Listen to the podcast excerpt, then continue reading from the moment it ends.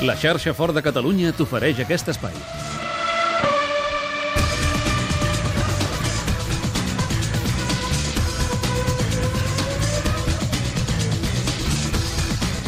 I un altre que algun dia convidarem a l'Snac Barça és l'Oriol Rodríguez. Si es perquè porta jo bé, crec que és difícil. Que li agradarà Rodríguez molt. Oriol, bona nit. Bona nit.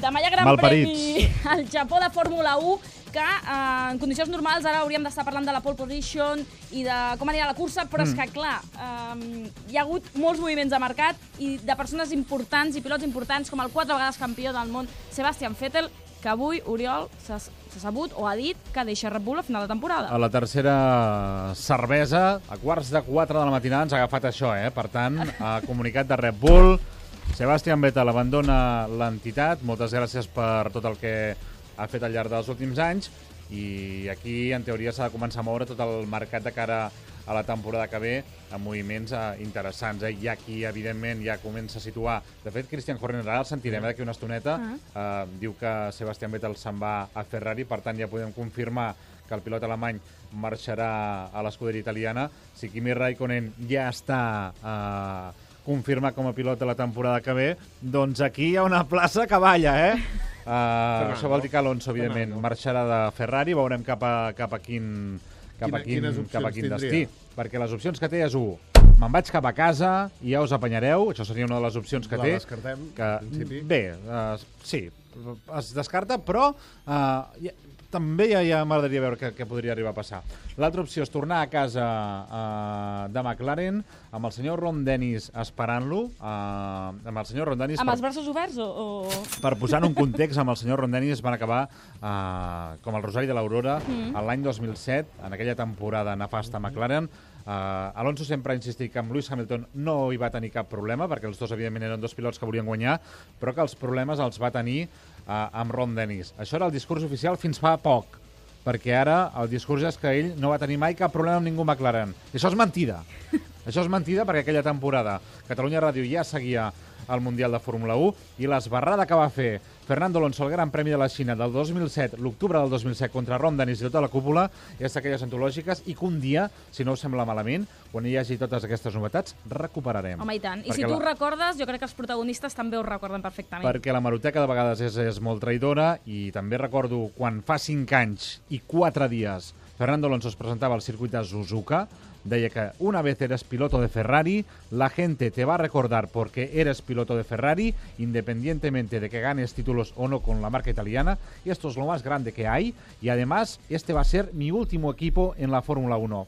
¡Pam! ¿Y ahora qué? I ara què? No, no. I Ara, què?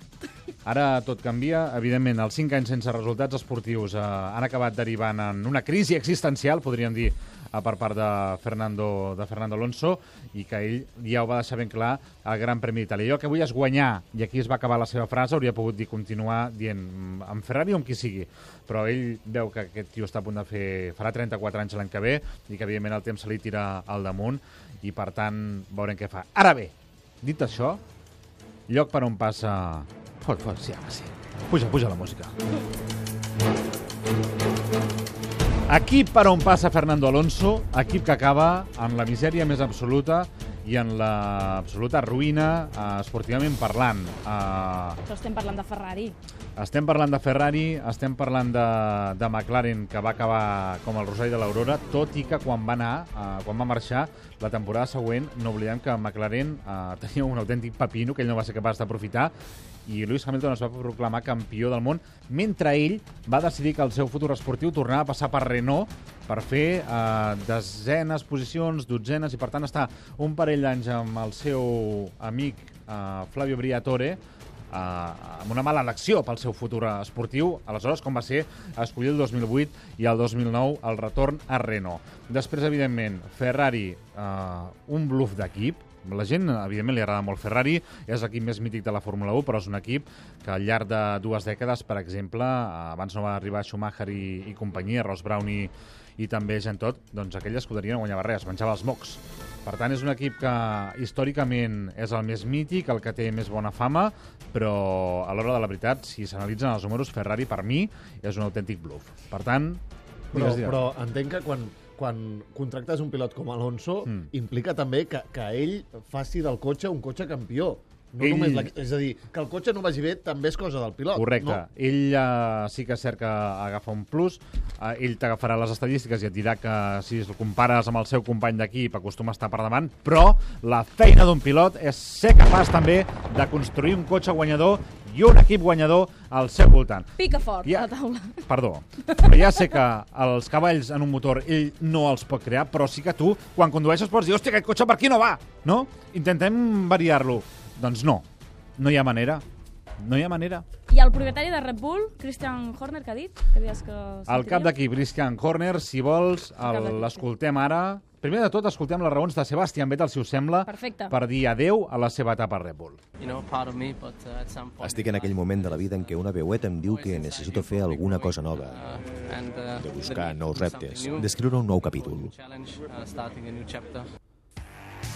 La veueta. Una veueta. La veueta que et diu Sebastian, marxa aquí si vols menjar-te alguna cosa.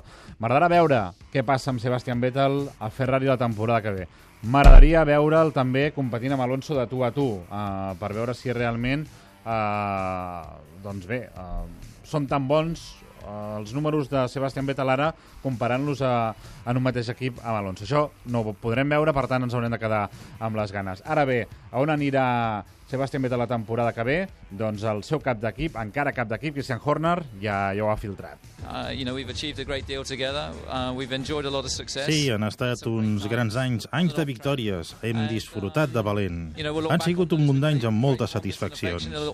Però, a partir de l'1 de gener vinent, ja serà un rival més. He'll be, uh, he'll be a competitor. Sí, serà pilot de Ferrari, per descomptat. Absolutely. El periodista li diu, òbviament, serà Ferrari. I la diu, sí, sí, diu a Ferrari. Per tant, Christian Horner, que evidentment ja situa a Sebastian Vettel a Ferrari, i qui té una de les claus per veure com s'acaba desenvolupant tot plegat és l'asturià Fernando Alonso, que avui ha fet una cosa que, bé, feia temps que no feia, que avui ha estat treure pit i, i vacilar davant de la premsa. Bueno, yo tengo la ficha mía, se moverá cuando, cuando yo diga, ¿no? Porque, pues bueno, pues tengo la, la enorme ventaja de poder decidir eh, lo que hago, lo que quiero, dónde voy y cómo voy y cuándo voy. eh, y, bueno, eso es algo que, que me he ganado con, con eh, muchos años de, buen trabajo en la pista. Y, bueno, pues como digo, creo que la decisión hace muchos meses que, la tengo tomada y, y bueno, que, que los demás tomen decisiones pues es un poco consecuencia de lo que yo vaya a hacer, supongo.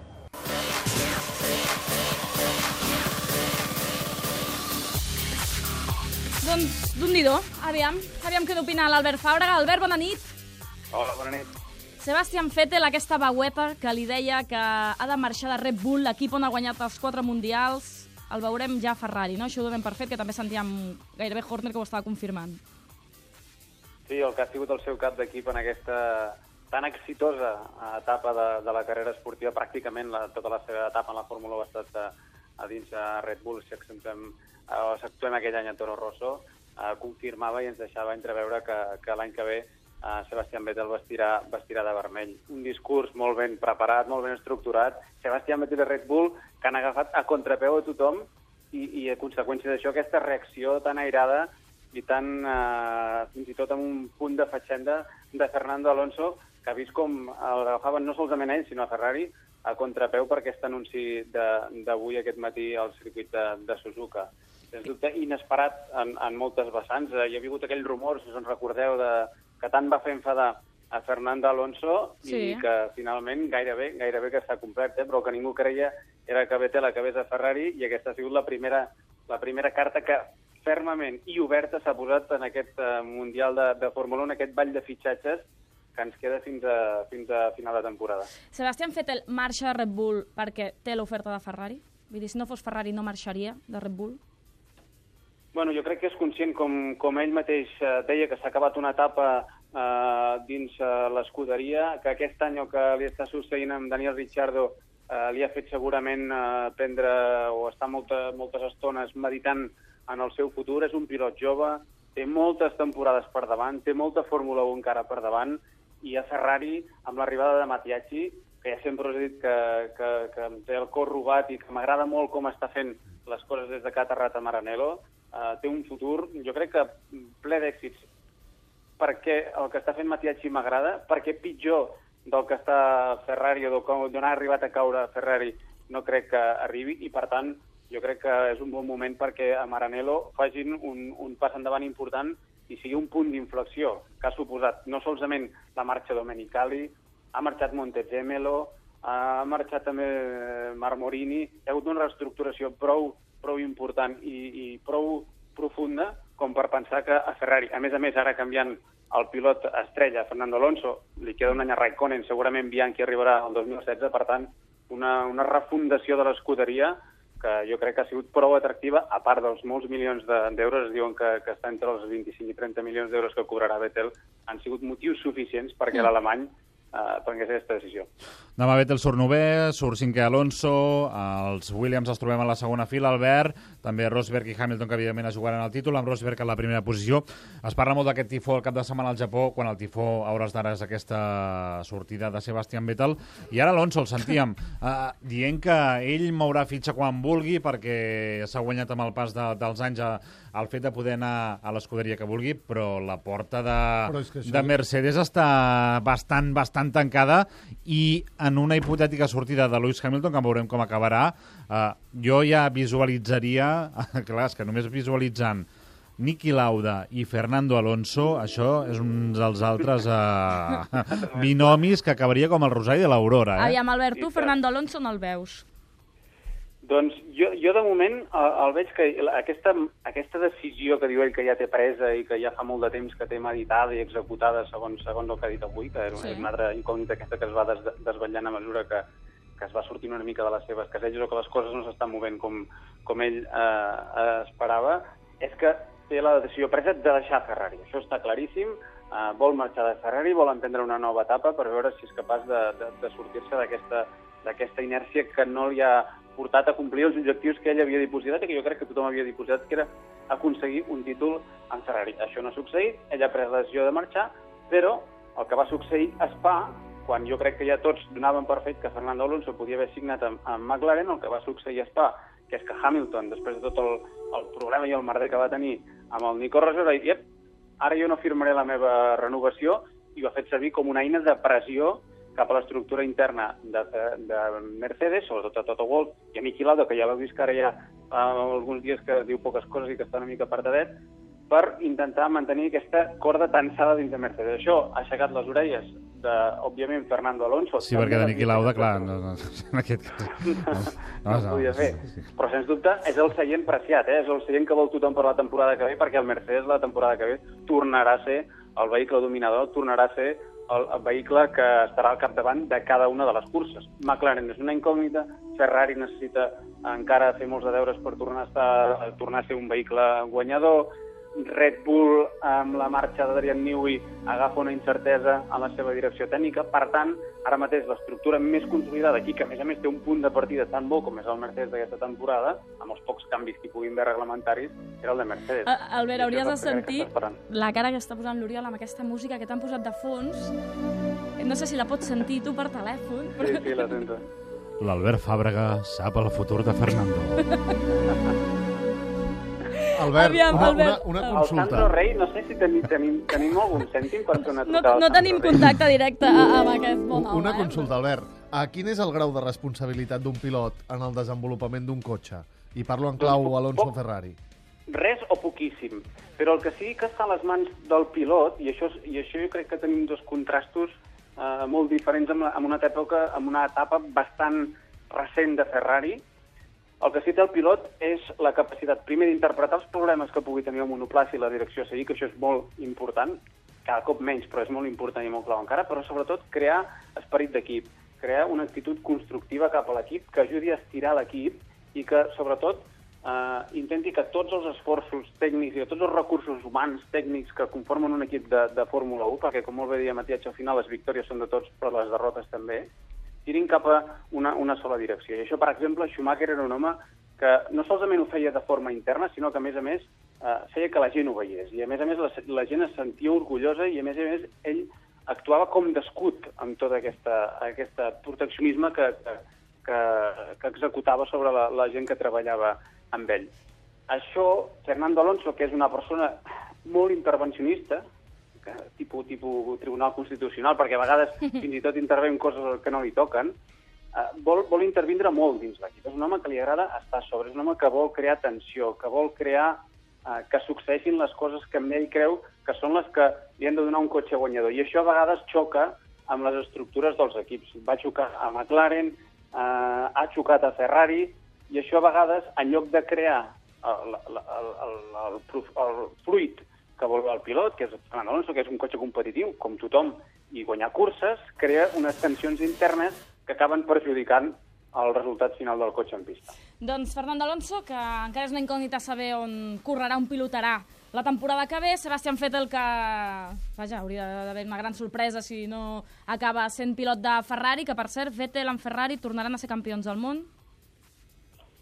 Vettel? Uh, jo crec que, que sí, és jove, és jove. És el que et deia, Ferrari han, han, han assumit que tenen que fer net i, i fer una nova agafar una nova embranzida per treure aquesta mala època i, per tant, no sé si aquest any que ve, encara jo crec que és massa aviat perquè els resultats arribin a Ferrari, però crec que té molt, té molt bon futur per davant. La resta, especulem, des de la retirada d'Alonso, des de que agafarà un any sabàtic, pot que anirà Mercedes va Hamilton, que s'assenyarà a McLaren, també ha sortit Lotus, escolteu, afició fins que no arribin allà i veiem el contracte a sobre la taula, diguem, i li posem la, el mono i el vestit, no, no ho sabrem. I ho explicarem aquí a Catalunya Ràdio amb l'Oriol Rodríguez. Albert, per ser alguna cosa de demà de la cursa, que no hem dit res del Gran Premi del Japó, Nico Rosberg pole position, plourà, no plourà, tot això? Factor importantíssim, la pluja, i tots me diran, ah, però és que afecta per igual manera a tothom. Sí, però compte, perquè avui els dos Red Bull han sortit a pista en aquesta classificació amb reclatges de moll. Què vol dir això? Que eh, han adaptat el seu monoplaça a una configuració amb la qual si demà plou i, hi ha molta, i per tant hi ha molta aigua a la pista, que és el que totes les prediccions diuen, tindran unes prestacions del monoplaça molt més adequades a la situació i, per tant, haurien de eh, sortir amb avantatge, tot i que aquestes reclatges amb sec no són tan efectius i, per tant, avui han, eh, no han pogut aconseguir un bon temps i sortiran més enrere. Això és l'últim apunt. Per l'altre costat, el domini absolut dels Mercedes, els Williams un passet per enrere i la lluita dels Ferrari per intentar pescar amb la canya si hi ha algun problema davant. Molt bé, doncs Albert, et sentirem demà amb els comentaris de la cursa a Esport 3, a Televisió de Catalunya. Albert Fàbrega, gràcies.